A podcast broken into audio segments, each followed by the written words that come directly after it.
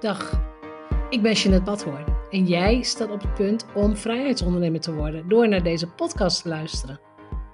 Als bedenker van het merk Vrijheidsondernemer, auteur, mastermind-expert en online ondernemer praat ik over verdienmodellen, ondernemerschap, geld, mindset en persoonlijke ontwikkeling. Hier vind je geen oppervlakkige bla-bla gesprekken en ik doe niet aan hypes. Deze podcast is een combinatie van jarenlange ervaring, ondernemerskennis en identiteitscoaching. Om jou te laten zien dat succes ook voor jou mogelijk is. Als je meer vrijheid en omzet wilt, als je wilt groeien als mens, als je oprecht en authentiek bent, dan is deze podcast voor jou. Ik ben blij dat je luistert.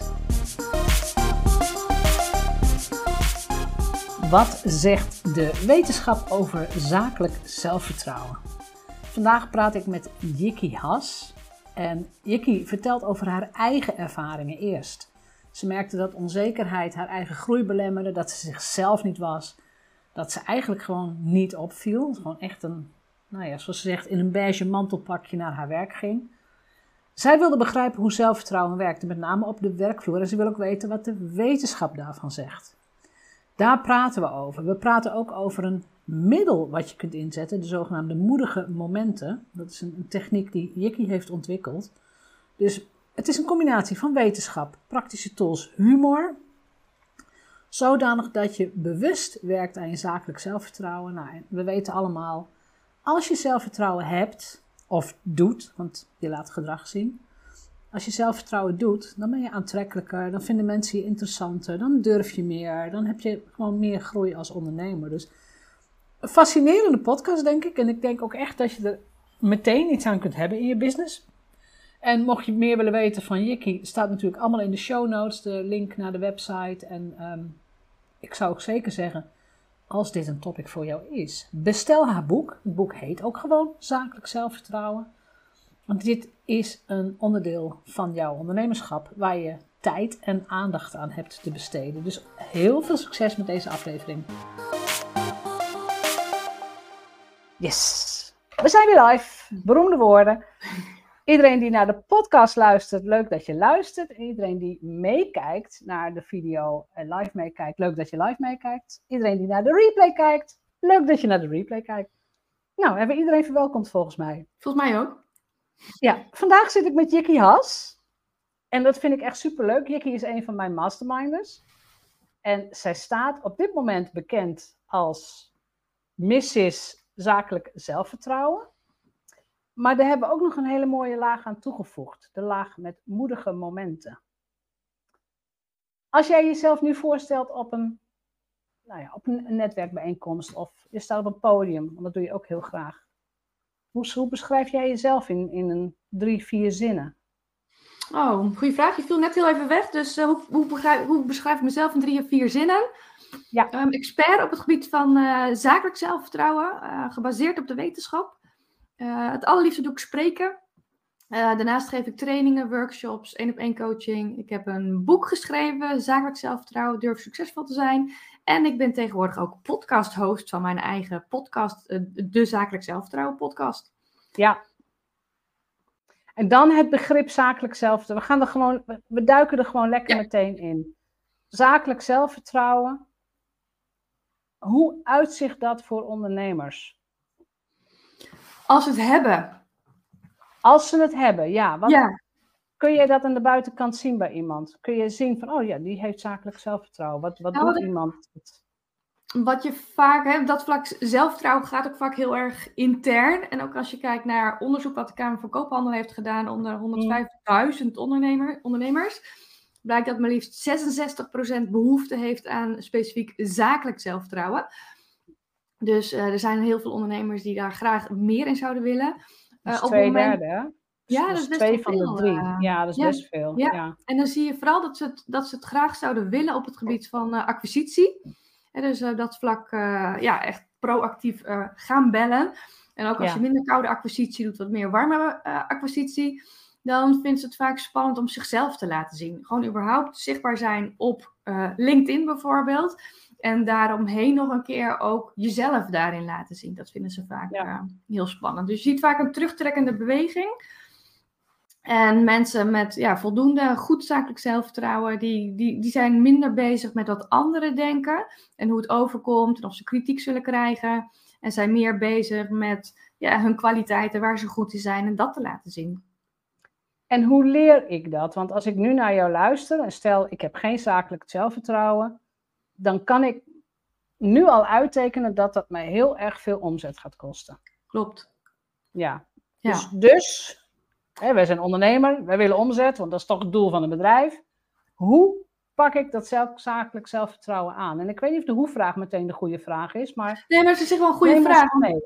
Ja, maar dat is vaak wel, wel, wel een, een ding. Hè? Hoe krijg ik dan meer zelfvertrouwen? En dat was ook waar ik zelf uh, vroeger mee worstelde in bepaalde fasen. Dus vandaar dat ik uiteindelijk ook volledig in het onderwerp gedoken ben. Ja.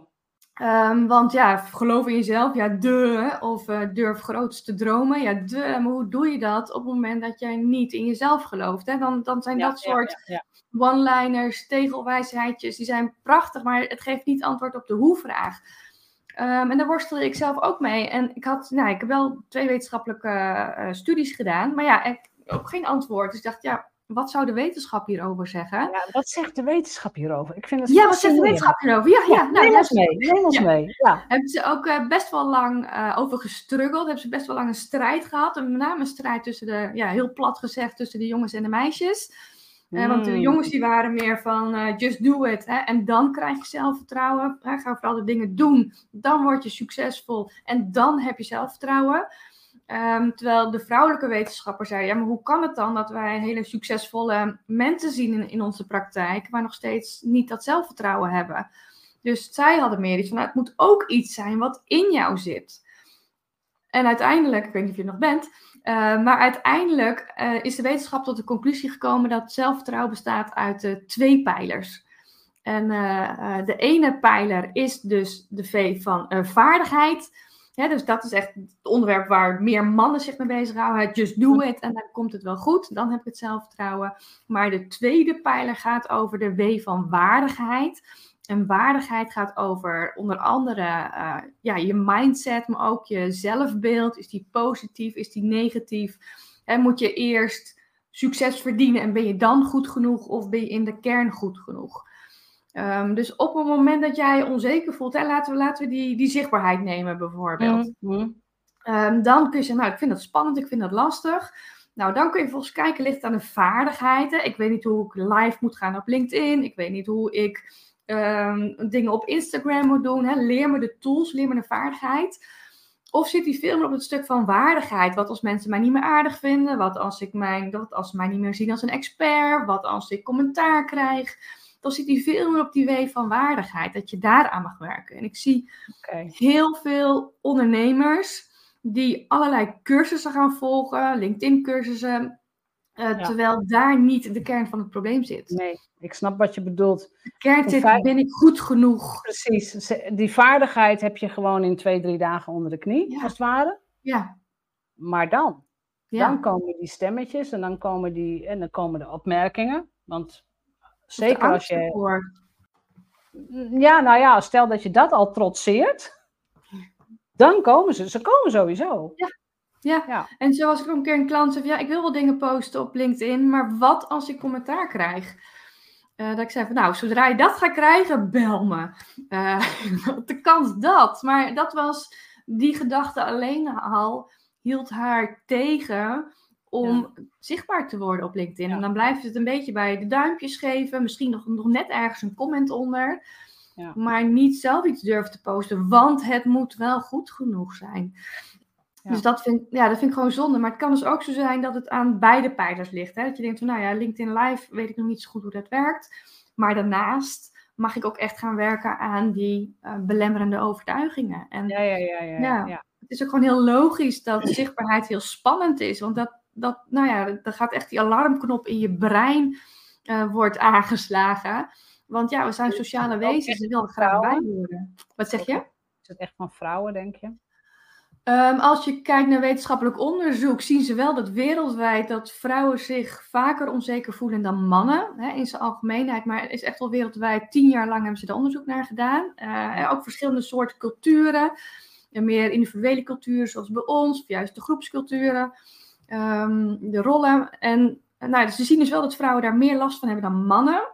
Ze weten nog niet zo goed wat precies de oorzaak is. Het kan een testosteronverhaal zijn. Het kan zijn dat er uh, rolmodellen ontbreken, waardoor vrouwen zich vaker onzeker voelen.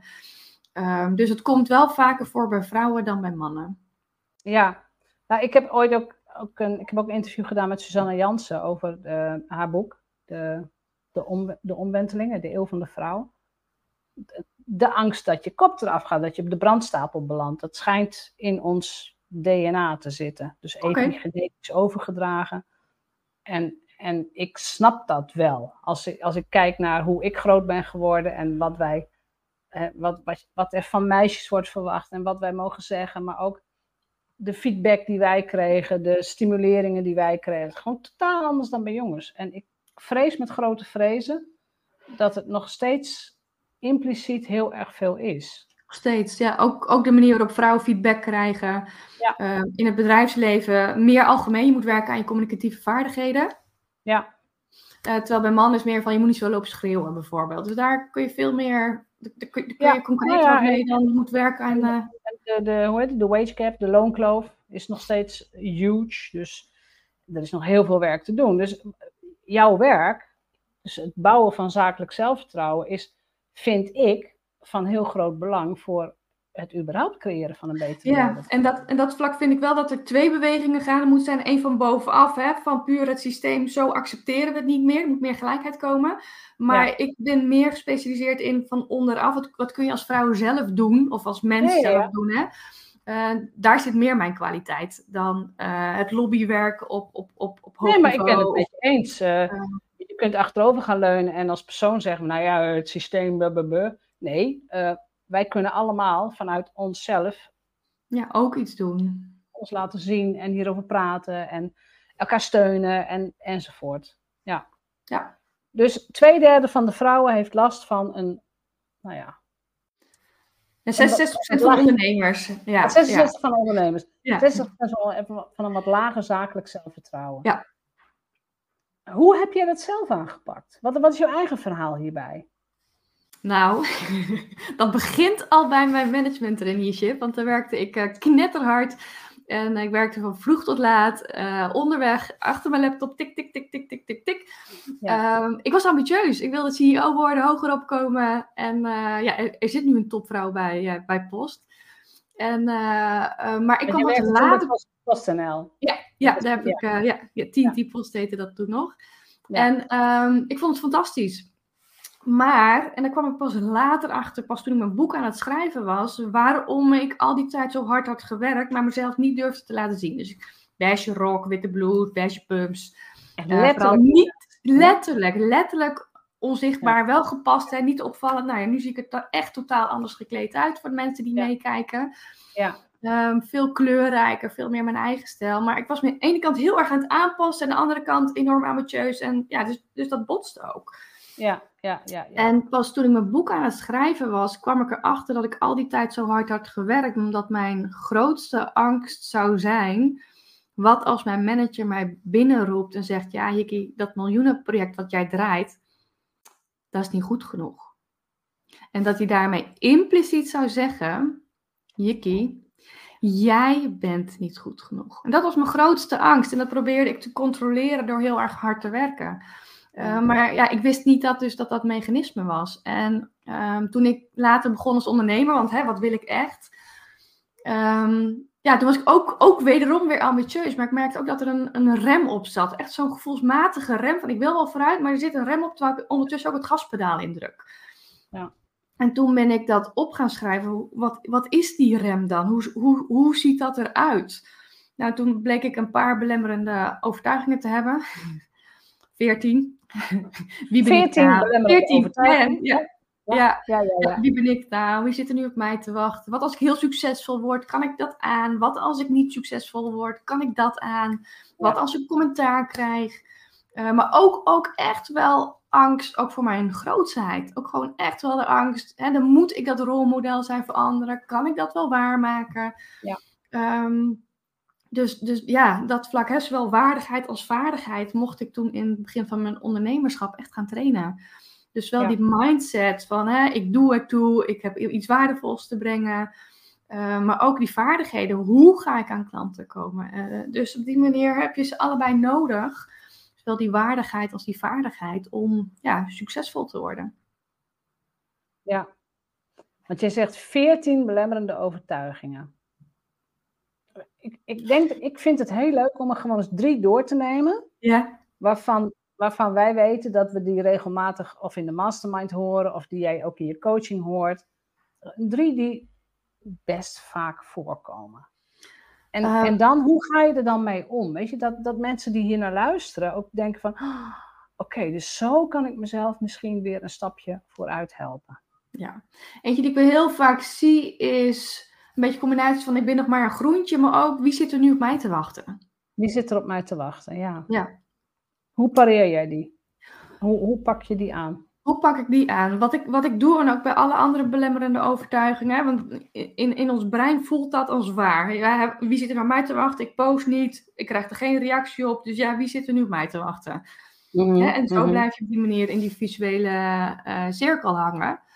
Um, en, en, dan kun je wel zeggen, jij doet er wel toe, of hè, uh, er zitten wel mensen op jou te wachten, maar dat is vaak zo'n error in je hoofd ja, dat is zeggen, maar niet geloven. Klopt. En, en alleen, hè, onderzoek toont ook aan, alleen die informatie die wij geloven, wordt, kan verder in ons systeem. Ik, ik vergelijk ons hoofd vaak met ons hoofdkantoor, waar heel veel wordt vergaderd. Maar wil jij het hoofdkantoor binnenkomen, dan heb jij, moet je langs de beveiliging. Je moet langs de receptie de beveiliging. Daarvoor moet je een pasje krijgen.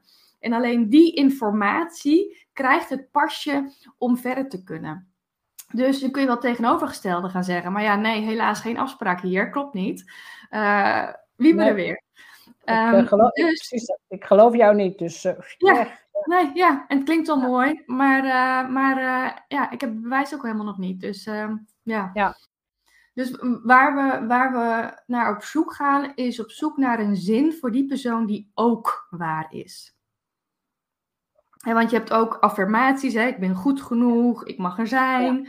Maar die werken alleen, laat wetenschappelijk onderzoek zien, alleen op het moment dat je erin gelooft. Dus de goeroes die zeggen affirmaties zijn belangrijk, hè? de positieve zinnen tegen jezelf zeggen. Dat klopt dat het werkt, maar alleen op het moment dat je erin gelooft. Dus, dus eigenlijk zit daar dus altijd een stap voor. In de zin van? Nou, als, je, als jij wel met een affirmatie wilt gaan werken, omdat iemand tegen jou zegt dat dat werkt, dan moet je dus eerst toetsen, geloof ik hier al in? Is deze zin al waar voor mij? Ja, voel ik daar een kern van waarheid in? Ook al ik dat niet niet is, moet je dus een niveau, ik ga helemaal uit beeld, want ik ga helemaal niveau ervoor. Dan ga je dus een niveau daarvoor gaan zoeken. Ja, ja, je moet hem echt checken. Klopt het voor mij? En soms is het, zit het echt op woordenniveau. Want soms zijn we echt aan het stoeien van... Hè, is dit het woord? Is dit het woord? En dat ze dan dan zegt, oh, dit woord, oh, nu, nu, nu klopt die voor mij. Ja, maar, maar zullen we die zinnen gaan, gaan uh, ombouwen? Van, um, er zit niemand, wie zit er op mij te wachten? Ja. Dat is het, dan is de, de onderliggende overtuiging, er zit niemand op mij te wachten. Ja. Of ik denk, ik denk dat er niemand op mij zit te wachten. Hoe zou, hoe zou jij zo'n zin gaan ombouwen met een, met, een, met een coachie of met een klant?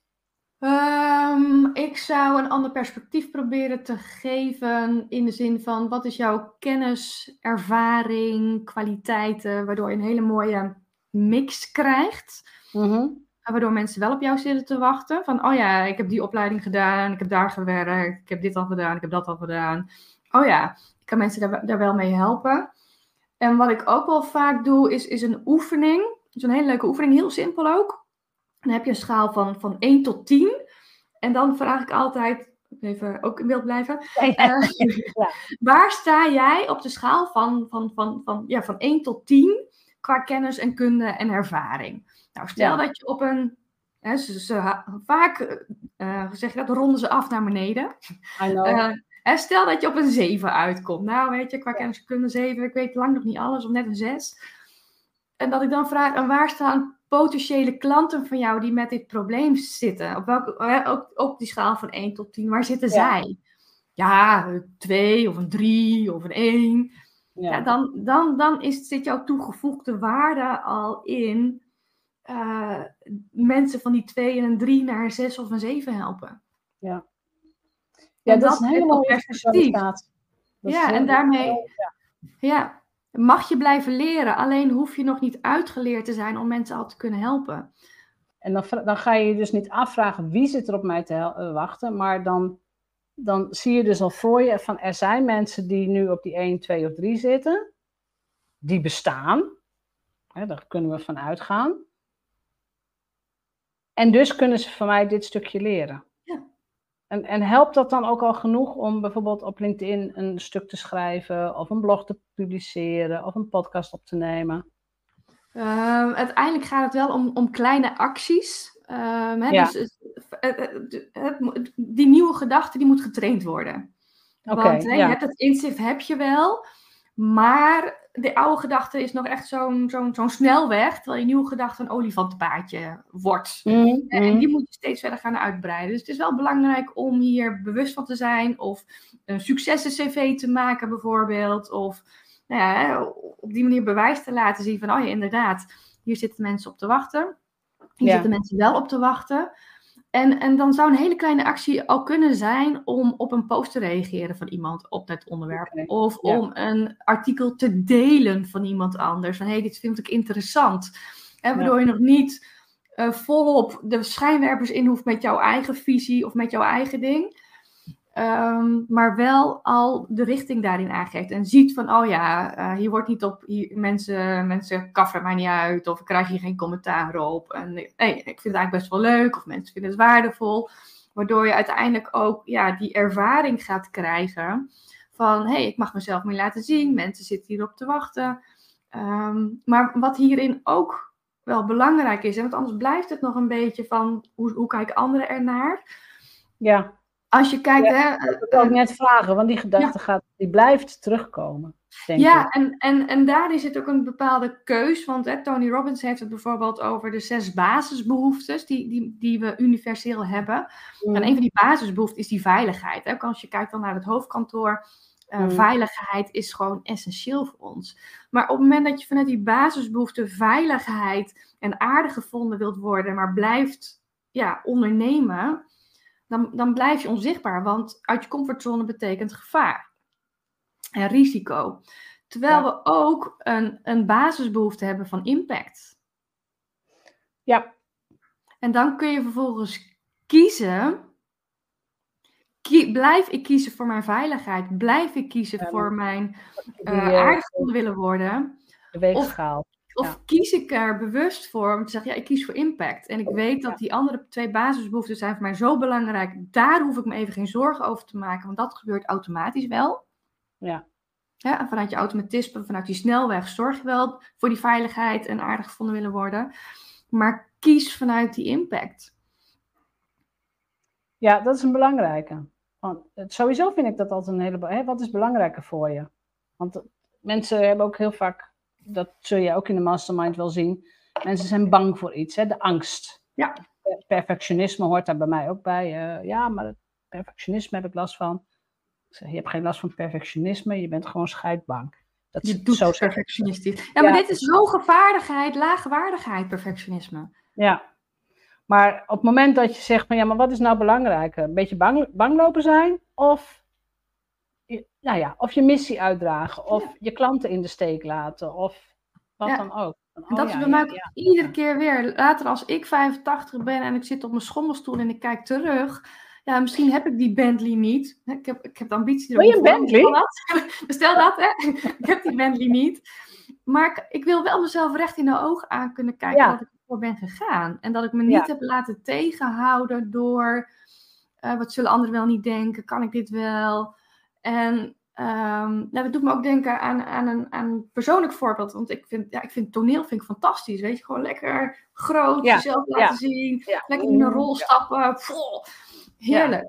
Maar er was ook een, een, een, een mevrouw bij van mijn leeftijd. Een vrouw bij en uh, moeder, twee kinderen. En het schuurde tussen ons. Hè? Het schuurde. Uh, ik ben vroeger gepest als kind. Ik kan me voorstellen dat zij nou, misschien wel de rol als pester vroeger had. Dus het schuurde tussen ons. We waren best vriendelijk, professioneel naar elkaar toe, maar het schuurde.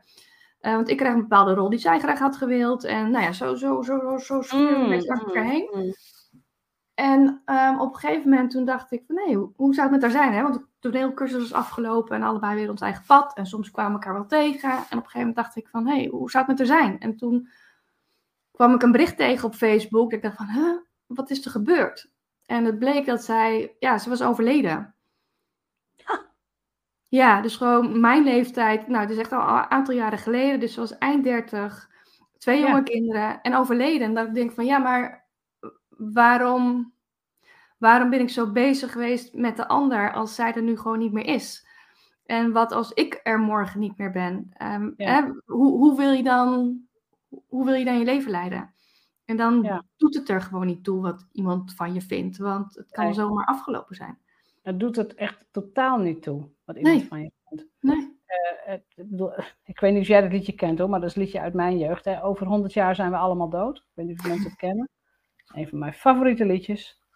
Uh, en waarom? Omdat het allemaal zo ongelooflijk nietig en niet betekenend is. Het feit dat wij er zijn. Maar tegelijkertijd is dit het belangrijkste wat we hebben. Dit, dit ene leven. Dan ga ik even, ik ga geen spirituele discussies aan en zo, maar gewoon dit leven nu, dit heb je. Je kiest voor, nou ja, voor geluk of voor wat dan ook. Je kiest er nu zelf voor. En dat is ook een hele grote verantwoordelijkheid. Ja. Want niet kiezen is comfortabeler. Dat, hè, dat, dan zit je gewoon in je baan en uh, je leeft het leven zoals de cultuur verwacht dat je het doet. Maar bewust kiezen voor leven is echt, echt een confrontatie met, sowieso met iedereen in je omgeving, maar ook met jezelf. Ook Heel met je eigen verwachtingen, ja. Ook met je eigen, eigen verwachtingen. Maar ik vind, ik vind het essentieel dat ik dat doe. En voor andere mensen kan ik het niet in gang zetten. Maar ik vind het essentieel, wat jij zegt hè, op die schommelstoel, dat je zegt, ja, ik heb eruit gehaald voor mezelf. Ja. Wat ik eruit wou halen. Ja. En ik zal nooit zeggen wat erin zit, want het is natuurlijk de onzin. Het, het leven is zo veelomvattend. De, de een wil, weet ik veel, parachute springen en de ander denkt van, laat maar gewoon lekker elke dag een uur wandelen. Noem maar iets. Maar wat er voor jou in zit en waar jij behoefte aan hebt, wat jou dient, waar je, waar je gelukkig van wordt. je vervuld en gevuld raakt, ja, vervuld raakt. Ja, ja precies. Ja. En dat is, dat is echt wel heel belangrijk. En inderdaad, de dood, het is geen leuk onderwerp, maar de dood is de beste raadgever in dit gebeuren. Ja. Dus het kan met ons afgelopen zijn, maar ook mensen om ons heen die het niet meer kunnen. Die het nooit hebben gedaan of wat dan ook. Ja. Daar heeft ze ook wel een heel mooi boek over geschreven van uh, vijf geheimen die je moet weten voordat je sterft. Ja. De verpleegkundige die heeft uh, de, de, ouderen, de wijze ouderen geïnterviewd over wat, wat is nou echt belangrijk. Ja, wat is nou echt belangrijk? Precies. Als, je, als je dat doorhebt, ja dan, uh, dan maak je andere keuzes. Waarbij ik wel altijd ook, ook, zeker ondernemers, kies ook absoluut voor een florerend bedrijf. Als je dan toch een bedrijf hebt, zorg dan dat je er vet mee verdient. Want die uren steek je er toch wel in. Dus Mooi gezegd, uh, Jeanette. Ja, ook daarin, uit je comfortzone, moeilijke dingen doen, dingen leren, maar zorg dat je die uh, omzet wel. Ik wou nog één aanvulling geven op het, want jij riep even testosteron en uh, zakelijk zelfvertrouwen en je iets aantrekken van, uh, van anderen. De overgang doet wonderen hierin. Het is heel fijn. Het is, iedereen die last heeft van de overgang, ja, het is ook allemaal heel oh, gedoe, maar het is ook heel fijn. Want, het wordt beter. Ah ja, joh, je, je gaat echt geen hula hoop meer geven om wat mensen van je denken. Waarom zou je? Je, je, bent niet meer vruchtbaar, je hoeft je niet meer voor te planten, je bent geen prooi meer. Het is, het, weet je, je bent. Het lekkere is eraf. ja, het lekkere is eraf, maar je bent veel steviger als vrouw. En dat, is, dat is wel iets wat ik, wat ik altijd roep tegen mensen: van, uh, pak dat ook. Ja, dat, en, en, en dat is wel het mooie, want daar eh, zeg je het op een, uh, een, wetenschappelijk onderzoek, dat vind ik ook heel leuk. Maar uh, dan, dan wordt er een test gedaan, mannen en vrouwen, en die mannen en die vrouwen die scoren even goed, dus qua IQ ontloopt het elkaar niet. Maar als het dan een moeilijke test is, dan zeggen die mannen, die test is moeilijk. Oh en ja, die vrouwen, ja. die zeggen, ja, ik kan dit niet. Dus die vrouwen die hebben veel meer de neiging om uh, de schuld bij zichzelf te gaan zoeken. Om, om intern te gaan kijken van wat, wat, wat, wat is mis met mij. En die mannen zeggen, ja, de test is gewoon moeilijk.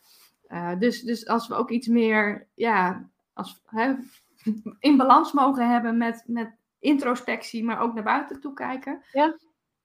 Uh, ja. Dan, uh, en niet altijd alles persoonlijk of je iets meer ook een keer de buitenwereld de schuld mag geven. Of dat je een keer dat het niet aan jou ligt, laat ik het zo vatten, dat het niet aan jou ligt. Maar voor, voor een ander zou het misschien juist goed zijn om een keer wat meer weer intern te gaan kijken. Uh, ook, die bestaan ook, ja. Die bestaan ook. Nee, maar niet altijd alles persoonlijk nemen. Nee, klopt. Dat, is, dat, is, het, het, het, ligt, het ligt lang niet altijd aan jou. Dat is gewoon, nee. En als het wel aan jou ligt, ja. Want, want, want, dat heet namelijk het spotlight effect. Hè? We denken dat wij, dat iedereen naar ons kijkt, maar dat komt ja, omdat we denken, omdat wij met onszelf bezig zijn, denken we dat een ander ook met ons bezig is. Eh, maar dat is helemaal niet zo. Uh, dus we hebben een keer studenten die moesten een t-shirt aantrekken, waar gewoon echt een heel, ja, echt zo'n figuur op stond voor in hun tijd super gênant om daarmee geassocieerd te worden. Ja. En, um, en als men dat zij er heel erg mee bezig waren en dan de ruimte in moesten stappen van hè, hoeveel procent denk je dat, dat mensen het zien, dat lag veel hoger dan daadwerkelijk mensen het hadden gezien. Ja. Terwijl als ze even hadden kunnen wennen aan het t-shirt van oké, nou ja, weird. Uh, nou ja, oké, hier moet ik mee naar binnen. En dus dat was voor hun al wat gezakt. Hadden ze zelf ook het idee dat de andere er minder mee bezig was. Ja. En dan nog overschatten ze het. Dus... Ja, dan nog overschat. De ander is helemaal niet zo gepreoccupeerd met jou. Helemaal niet. Die is met zichzelf bezig. Ja. ja. Iedereen is met zichzelf bezig. Lekker. Ze heeft zijn voordelen, heeft ze nadelen. Maar dat heeft een voordelen en nadelen, ja precies. Maar als je je dat realiseert, dan denk je, ah ja joh, ik doe gewoon lekker mijn ding. En uh, ga gewoon lekker mijn gangetje. Ja. Gewoon spotlight effect. Niemand die, niemand die erop let. Nee, niemand die er echt op let. En als ze erop letten, dan zeg je, ja, vind je het niet grappig, dit t-shirt? Ja, ik vind hem ook wel grappig, weet je, kun je jou schrijven. Ja, dan is het dus überhaupt nog maar de vraag of mensen er, als ze het zien, of ze er een opmerking over maken. Ja. Nog een verschil, hè? Dat is ook nog een verschil, dat klopt. Ja, ja ik, ik, ik vind het echt een heel fascinerend onderwerp. Ik zie dat we ook heel snel door de tijd heen gaan. Ehm, wil jij nog een laatste tip geven aan mensen die terugluisteren, of die de podcast luisteren, van wat is nou de beste eerste stap die ze kunnen zetten richting zelf, zakelijk zelfvertrouwen en misschien ook met jouw methodiek, met de moedige momenten die ik in het begin even aanstipte? Ja, ik, ik denk dat, dat, er dan, dat er dan een tweetaps uh, raket gaat ontstaan. Aan de ene kant ga kijken, ligt het aan mijn waardigheid of ligt het aan mijn vaardigheid, waardoor ik me nu onzeker voel. Dat is een hele goede, ja. Hè, dus, dus daarmee ga je het al scheiden van, oh ja, moet ik met mijn gedachten aan de gang, wat is ook waar. Of is het ook vooral een kwestie van, van doen? Hè? Want op een gegeven moment ben je uitgedacht en in het kopie. En moet je ook de ervaring op gaan bouwen. En, en moet je het ook gewoon gaan doen. Mm -hmm. onderzoek toont ook aan actie komt voor zelfvertrouwen. Net als in het woordenboek. Eerst de A en dan de Z. En uh, ja, door, door te kijken van hoe kan ik een moedig momentje creëren. Hè? Dus we hebben het niet meteen over je baan opzeggen of weet ik veel wat allemaal. Hoe zou jij op een, hè, met, met, echt met je teentje buiten je comfortzone kunnen komen. Hè, Zou het kunnen zijn reageren op een post van een expert? Zou dat een artikel kunnen delen? Kan dat iemand opbellen waarvan je denkt van nou, die vind ik aan zich wel aardig, maar ik vind het toch een beetje spannend om die persoon op te bellen in plaats van koud iemand op te gaan bellen. Dus kijk voor jezelf hoe jij een moedig momentje kunt creëren. En hoe kun je dat op die manier steeds meer moedig momentjes gaan creëren. Want de eerste persoon bellen als je een tijd lang niet een acquisitie hebt gedaan, is spannend. Maar als je dat drie keer hebt gedaan, denk je, oh oké, nou ik bel het wel eventjes. Ja. Ehm, en als je het nog steeds spannend vindt, dan zit je dus echt op je waardigheid en mag je daar weer even mee aan de slag gaan. Ja, weet je, dan pak je een lijst van 100 en bij, bij nummer 67 denk je, moeten nog 23. Nou, dan gaat het vanzelf. Ja, en ik sprak een keer een vrouw in mijn workshop en zij had als tip, hè, want zij liep ook enorm tegen die acquisitie op en over anders denken gesproken. En hè, van hé, ik, moet, ik moet gaan verkopen, dat wil ik helemaal niet, geen zin in. En toen had zij hem uiteindelijk omgeturnd naar van ik ben alleen maar mijn aanbod onder de aandacht aan het brengen. Ja, en dat gaf voor, voor haar een hele andere energie. Van in plaats van ik moet iemand bellen om in mijn programma te krijgen. Nee, ik hoef alleen maar mijn aanbod onder de aandacht te brengen. Ja, dus dan haal je ook het persoonlijke een beetje eruit. Het, het resultaatgerichte, het, het slagen, het falen. Ja. ja. ja, maar het gaat ook om het product wat aandacht verdient. Dus de, de training enzovoort. En als je het resultaat loslaat, dan heb je ook een veel fijner gesprek. Ja, en daarmee heb jij jouw verantwoordelijkheid om jouw producten en diensten te laten zien. En de ander heeft de verantwoordelijkheid om daarop in te stappen of niet, afhankelijk of hij het nodig heeft. Precies, ja, precies. Ja, mooie afsluiting. Mooie afsluiting. Ja, we, kunnen hier natuurlijk nog uren over doorgaan. uren over praten. Ja, Dat, weet ik, dat gaan we vandaag niet doen. Dus het was gewoon een eerste aanzet van, oké, zakelijk zelfvertrouwen. Heb je dat nodig? Bestel het boek van Jikki. Ik zal ook de link in de show notes zetten. Moedige momentjes. Bouw ze in, in je, gewoon in je dagelijkse leven. Doe elke dag iets wat misschien een beetje eng is. Wat een beetje moed vereist. En dan zul je zien dat die momenten steeds vaker voor gaan komen. Ehm, en zorg dat je de aandacht niet op jezelf richt, maar op de ander die jouw product nodig heeft, die jou nodig heeft, of die, nou ja, die je nu in de steek laat door niet zichtbaar te zijn. En dan zeg ik het lekker cru. Ja. En mooi gezegd. Ja, precies. Ontzettend dankjewel voor dit vrolijke, energieke en heel leerzame gesprek. Dankjewel Jikki, hartstikke nou, leuk. Graag gedaan en dankjewel dat, je me, dat ik bij jou de show mocht komen. Zeker, dankjewel. Doei doei. Doei doeg. Bedankt voor het luisteren naar de Vrijheidsondernemers Show. Geef de show een review op Apple of Spotify. Als vrijheidsondernemer werk je waar, wanneer en met wie jij wilt. En dat gun ik jou ook. Ik weet dat het kan en bij de juiste keuzes is vrijheid voor jou ook mogelijk. Dus op jouw vrijheid.